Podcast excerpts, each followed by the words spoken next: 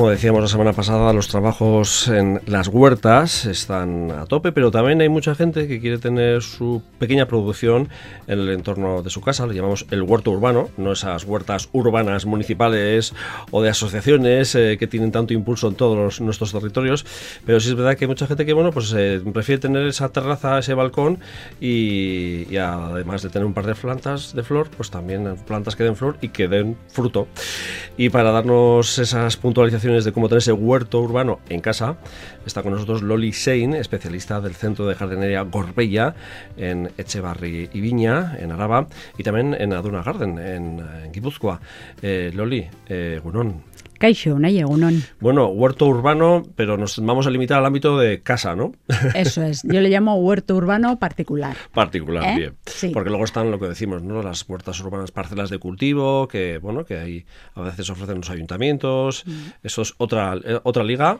Eso es, pero ya es otro tamaño, de huerta, y ya, bueno, es otra cosa. Tenemos una parcela recogidica, pero es más pequeña. Y aquí es aprovechar mmm, balcones, alféizares, terrazas. terrazas, un porche donde nos entre el sol. También. Eh, aprovechar unos tistones hermosos que puedas tener. Patios comunitarios también pueden ser una oportunidad, ¿no? Sí, todo depende del sol, que entre a mí un patio oscuro no me No, por eso, patios que, te, patios que tengan posibilidades. Eso es, eso es. eso hay mucho patio que realmente es un patio oscuro. Mm.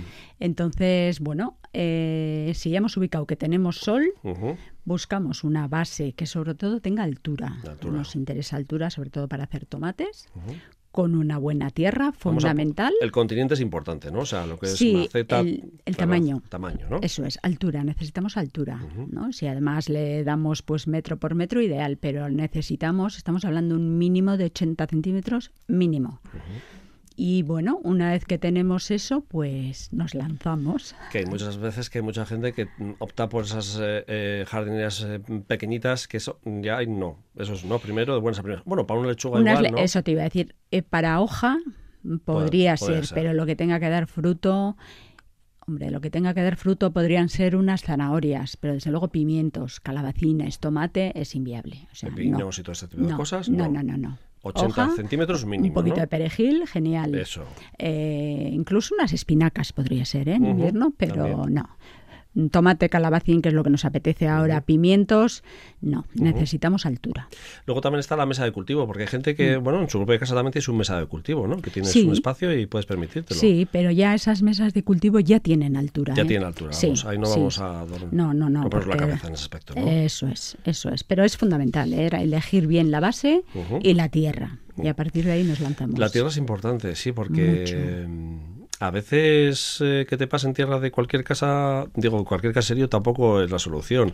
Eh, mejor comprarlo o mezclar, sí. ¿no? Eso es. Yo prefiero comprar uh -huh. porque toda la tierra que tú compres embolsada, ten en cuenta que es una tierra que está desinfectada. Uh -huh. Lleva su parte de abono, lleva su parte de arena, un poquito de arlitas, que lo tiene todo. Uh -huh. Y si ya pones tú esa base buena, a partir de ahí lo que tienes que hacer es enriquecer, ir abonando bien. o bien con granulado un poquito líquido o un poquito de estiércol en invierno, me da igual para poner cuatro coliflores, pero ojo, la tierra es que es fundamental. Fundamental, sí, sí. Es que es muy importante, ¿no? porque a veces no, te paso yo tal, no sé qué, y luego dices, no me está saliendo nada porque es barro al final, lo que Eso me ha pasado es. el vecino, sí, barro ¿no? con y, toda la buena intención. Y no te digo nada cuando te dicen, no, yo no voy a comprar estiércol, ya me da el vecino. Yeah. Y, y, no te digo nada si es fresco, es que achicharras todo. No, lo es quemas, que no lo quemas. Entonces hay que estar, eh, bueno, pues eh, que un poquito igual sí, pero compensándolo y removiendo bien y, y eso, y desde luego el estiércol muy viejo, muy, o sea, muy tiene viejo. que ser muy, muy macerado, sí. muy polvo ya. ¿eh? Como ya decimos, sobre todo para los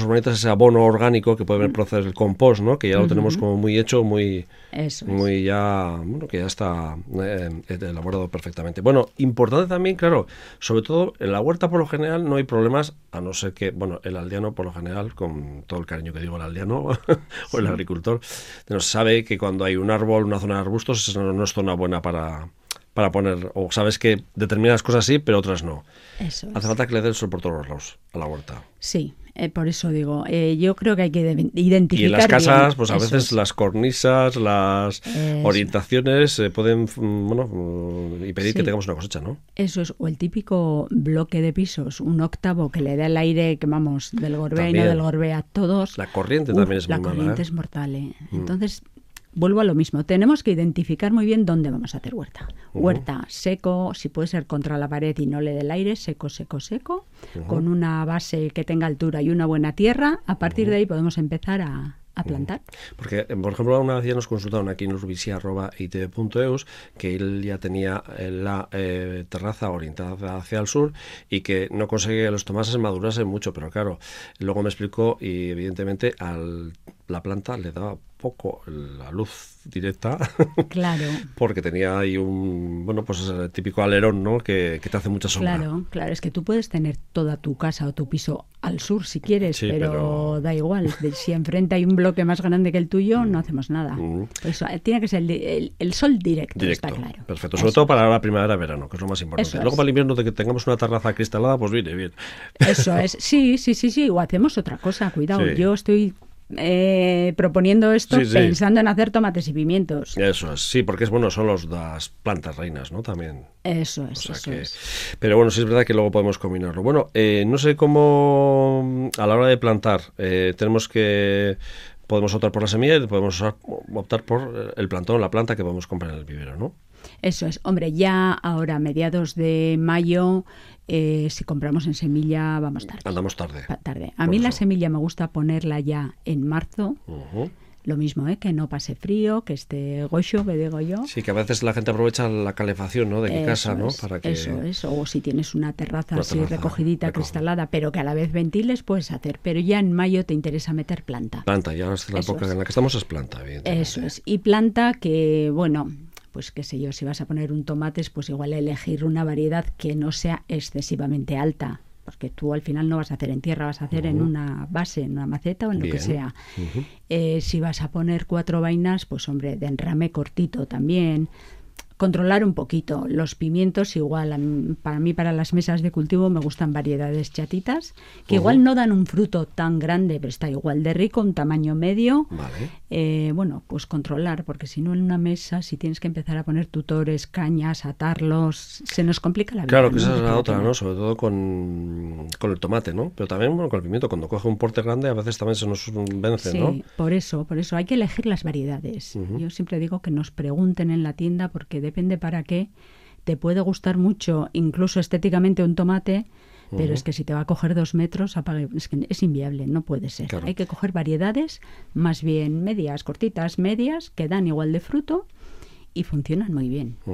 Ahí también hay que tener en cuenta muchas veces que igual el tamaño en esto mm, sí importa, igual mejor una planta que dé fruto de un tamaño más reducido y menos cantidad o más cantidad, pero que no quede gran, un gran tomate, por ejemplo, no grandes tamaños porque luego pues se nos puede vencer o se nos puede partir y no o no aguanta bien la maceta si no hemos calculado bien claro, el peso de la maceta. Ten en cuenta una que toda la altura que coja la planta tiene la misma longitud de raíz. Claro. Entonces es que dos tomates en una mesa de cultivo mm, ya está. O sea, no eh, quieres poner cuatro lechugas, pues que no hay sitio. Entonces es muy importante elegir el tamaño de planta que vamos a tener incluso cuando combinamos también, ¿no? Claro, claro. Si tenemos, aunque tengamos un espacio amplio, alguna vez ha pasado, ¿no? De estas de hemos puesto cuatro tomates y, dos pimientos. Y digo, bueno, es amplio, pero aquí mejor con dos de tomate te iba que es suficiente. y igual la de pimiento justo eso es, Eso es, y luego yo que sé, pues igual puedes poner dos tomates y dos cherries que son más cortitos, tienen mucha menos raíz y bueno, hay que jugar, hay que combinar. Sí, verdad que el cherry triunfa, ¿no? Sí, Yo creo, ¿eh? lo que es el momento piso, ¿eh? vivienda. Sí, sí, sí. El cherry, viene el cherry de siempre o el mm. cherry pera, mm. tomate de pera, pero en cherry. Y los amarillos también están funcionando muy bien, los verdes también. Mm, estos de choco también, creo. Eso es, eso es. Están funcionando muy bien. Entonces, es una buena opción para, para mesa de cultivo. Y sobre todo si tenemos niños, mucho mejor porque ellos los pueden manejar y recoger más fácilmente. Eh, decíamos, el sustrato es importante, pero también a partir de ahora es el riego, ¿no? Sí, pero ojo con el riego. ¿eh? Yo insisto, regamos mucho, mucho. Entonces. El tomate, sobre todo, ¿no? Nos pasamos cuatro pueblos. El tomate va seco. El tomate eh, yo me doy cuenta que muchos clientes te dicen, es que estaba lacio y le he vuelto a regar, pero no, no remonta. Digo, claro, es que no, no, está lacio, se está pudriendo y todavía le echamos más agua. No, el tomate es seco, se hace seco. Y por eso también es importante que eh, cuando bueno, colocamos la maceta, que todavía estamos a tiempo de poner esa maceta, o, o esa jardinera grande que mm. tenemos que no le queremos poner geranios, bueno, que hay gente también que combina, ¿no? Planta de flor con el tomate y sin ningún problema. Pero bueno, mm, con las distancias y los espacios que necesita cada hábitat, ¿no? Sí, es verdad que eh, es importante que drene bien, ¿no? Sí, sí, yo siempre Digo, recomiendo... que no se encharquen y luego al final... Eso es, pero hoy en día, bueno, hoy en día no hace mucho ya, existe la arcilla expandida, que es una maravilla. Entonces, si te pasas de agua, se hincha un poquito esa, esa arcilla y el día que le falte, pues la raíz va absorbiendo de esa arcilla la parte de agua que le, que le corresponde o le, apetezca. Es muy interesante, es muy barato hay varios tamaños de arcilla y yo en mi casa desde luego le pongo a todo, ¿eh? a los geranios, a la planta interior, ¿Y a cómo se coloca? Digo, porque eso, eso se pone debajo, debajo, abajo, debajo y encima la tierra. Eso es, pones como cuatro deditos de arcilla expandida. Incluso te permite que si te vas 10 días de vacaciones la dejes bien regada porque caerá todo el agua a la arcilla, eso es. La arcilla la absorbe y luego ya irá a la planta cogiendo el agua que necesite. Vale, pues es, un buen muy interesante, sí. Sobre todo para esta época, porque ahora, claro, hay mucha gente que pone los tomates o los pimientos y en agosto nos vamos de vacaciones, 15 días, ¿no? Y es la época en la que igual un poco de aporte de agua necesitan. Sí, hombre, luego existen los conos, algún pequeño sistema de riego. Bueno, nos podemos meter ahí en un lío, pero con, quiero decir, con muy poco dinero, con cuatro botellas de agua de, litro y medio y unos conos de cerámica, por ejemplo, tienes solucionado tres semanas tranquilamente de agua. Ah, muy bien, pues para irte de vacaciones y sin ningún dolor de cabeza. Eh, el abono también es importante. Sí, el abono tiene que ser todo lo que vaya a dar fruto, tiene que ser un abono que tenga mucho potasio. Vale, porque mm, no es el mismo abono que echamos a las plantas de flor. Digo, porque alguno igual se puede. No. Porque no, ¿no? eso es. Normalmente el abono para la planta de flor tiene mucho, o sea, tiene una parte proporcional de nitrógeno y, potasio para el nitrógeno para que el verde esté bonito y el potasio para que florezca bien. Pero en el caso del tomate el verde no nos importa demasiado. Necesitamos, como es cortito el tiempo de, fruto, que nos dé mucho fruto. Con lo cual también hay en el mercado ¿eh? abonos específicos para tomates, específicos para cítricos, para fresas. En eco, que me imagino que te lo pedirá mucha gente en ecológico, ¿no? Por favor. Ese sí, ese sí. Ya, bueno, hace poco estábamos a un 50% y ya, ya no, ya va venciendo el ecológico. Sí. Así que bueno, pero hay abonos ecológicos, tierras ecológicas, plantas ecológicas, macetas recicladas, lo que quieras. Bueno, eh, que no se piense la gente que tiene en su balcón o en su terraza un tomate que no se va a librar de esos bichos que atacan a las plantas. Eso es, eso sí. Eh, pero tenemos también un producto que nos ha costado mucho conseguir. Tenemos un producto muy bueno que es una pastillita que se mete, que es eh, insecticida más abono viene ya la mezcla hecha, la pinchas ahí y funciona muy bien, muy bien. Eh, luego están las cipermetrinas, que realmente la cipermetrina es un extracto de, es una, esencia, un aceite de crisantemo. Ecológico 100%, funciona muy bien también y bueno, yo insisto, yo lo, siempre, siempre haría como preventivo. No esperes a tener el bicho porque entonces empiezas a pelear. Entonces, como preventivo, meterle una pastillita no cuesta nada, no es caro.